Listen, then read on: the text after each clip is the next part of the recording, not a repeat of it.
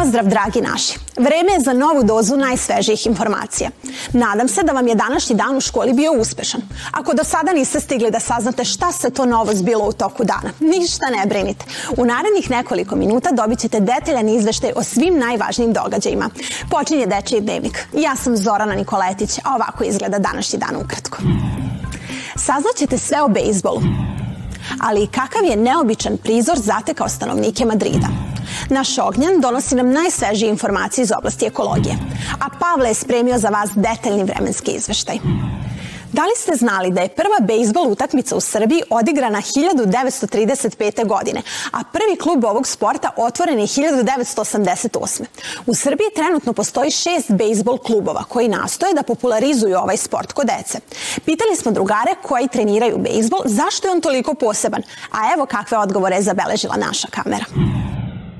Meni se sviđa koncept bejsbola i ja mislim da mogu da uh, naučim bolje da uh, hvatam, da budem generalno više aktivniji na neki način e, i precizniji.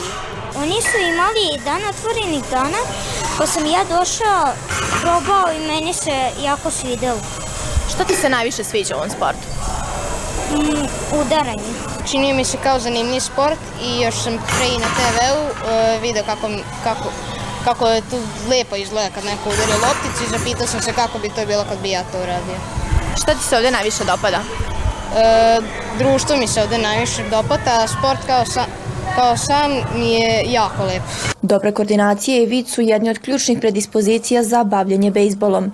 Kako napominje dugogodišnji trener Nikola Vučević, fizičke sposobnosti dece nisu presudne. Mi upisujemo decu od 7 pa do 14 godina ovde. Uh, ovde smo u Spensu, imamo tu sreću da možda treniramo skoro svaki dan, da imamo ove mreže zaštitne kaveze, uglavnom se radi udaranje i bacanje, ovaj, tako da deca mogu dosta da nauče tokom zima što se tiče udaranja, jer ovo su idealni uslovi za, za, za udaranje, imamo, videli ste, da imamo mašine, imamo tu još neke mreže i sve to, tako da tokom zime dosta deca nauče što se tiče udaranja, dok e, za jačinu bacanja mora da izađemo napolje, to od proleća ide. Mlade nade ovog sporta naporno treniraju kako bi usavršili tehnike bejsbola.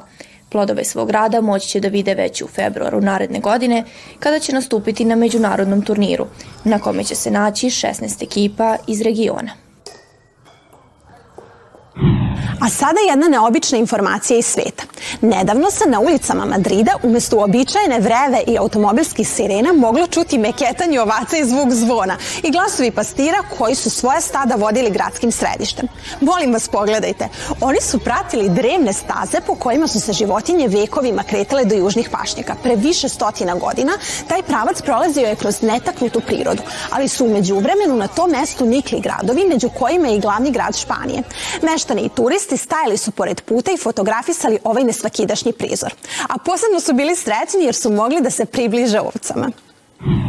A kako smo nedavno dočekali novu godinu? Vreme je da napravimo kratku retrospektivu prethodna, ali u ekološkom smislu.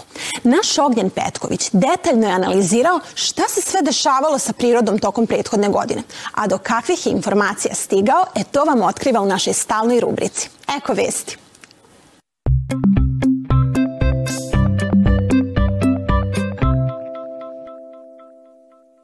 Pozdrav svima i dobrodošli na ove ekovesti. Došlo nam je i drugo polugodište, a sada je vreme da ja vama kažem neke vrlo, vrlo važne vesti iz sveta. Zato što verovatno treba da ih čujete, jer zašto da ne, možda vam te vesti baš pomognu da sačuvate svoju okolinu. Krenut ćemo od Aljaske. Njima je tokom ovog Božića bilo vrlo, vrlo mračno. Tamo je započeo jedan period koji karakterišu polarne noći. To znači da sunce ne izlazi čak dva meseca i temperatura je stvarno, stvarno niska. Stanovnici grada od Kjagvik na Aljasci će videti sunce tek krajem januara.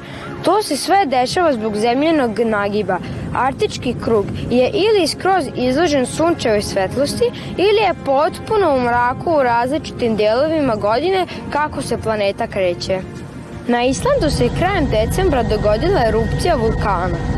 Stanovnici ovog grada su evakuisani još u novembru kada se pojavio prvi dim iznad vulkana. Prethodna erupcija ovog vulkana u 2010. godini je onemogućila vazdušni saobraćaj između Evrope i Severne Amerike i tada je bilo otkazano više od 100.000 letova. Stanovnici su evakuisani nakon što se, se celo područje zahvatili stotine manjih zemljotresa. Oni su se mogli osjetiti svakog dana čak dve nedelje. Zbog ciklona kog su nazvali Jasper, nestalo je struju u hiljadama domova. Mnogim ljudima je bilo potrebno spašavanje zbog velikih poplava koje je ovaj ciklon prouzrokovao. Vetar je duvao brzinom koja je dostizala i do 115 km po času. Kada napada toliko kiše u kratkom vremenskom periodu, kao što je to ovde bio slučaj, onda postoji opasnost od mno, mnogih ogromnih poplava. Prošle godine je takođe pronađeni kontinent Agroland posle 155 miliona godina. Ovaj kontinent je bio širok oko 5000 km i naučnici smatruju da je on razlog zašto je Australija danas odvojena. Taj izgubljeni deo zemlje se odvojio i pao pravo na dno okeana pre toliko godina. Naučnici kažu da je veoma važno sklopiti priču kako su nastali kontinenti i kako su se razvali, zato što im to pomaže da bolje razumeju biodiverzitet naše planete i klimu, ali i da bolje shvate u kom smjeru se kreću klimatske promene. To su bili neki od najvažnijih vesti krajem 2023. godine, a mi ćemo da pratimo vesti iz cijele 2024. godine. To je bilo to od ovih Eko Vesti, vidimo se sledeće srede u novim još boljim. Ćao! U nastavku emisije Meteorološke informacije.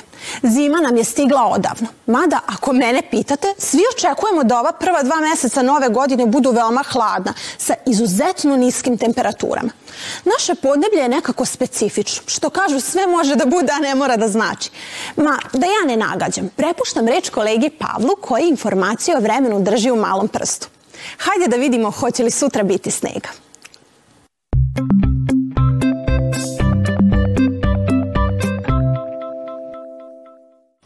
Pozdrav ljudi, vreme je za vreme. I onako nam je zima već uveliko stigla. Sutra ne treba da očekujemo snega, naprotiv, za sutra su najavili sunčano i suvo vreme, ali će temperatura biti u minusu. Šta da vam kažem, dobro se obucite pre izlaske iz kuće. Vidimo se sutra sa novim meteorološkim informacijama.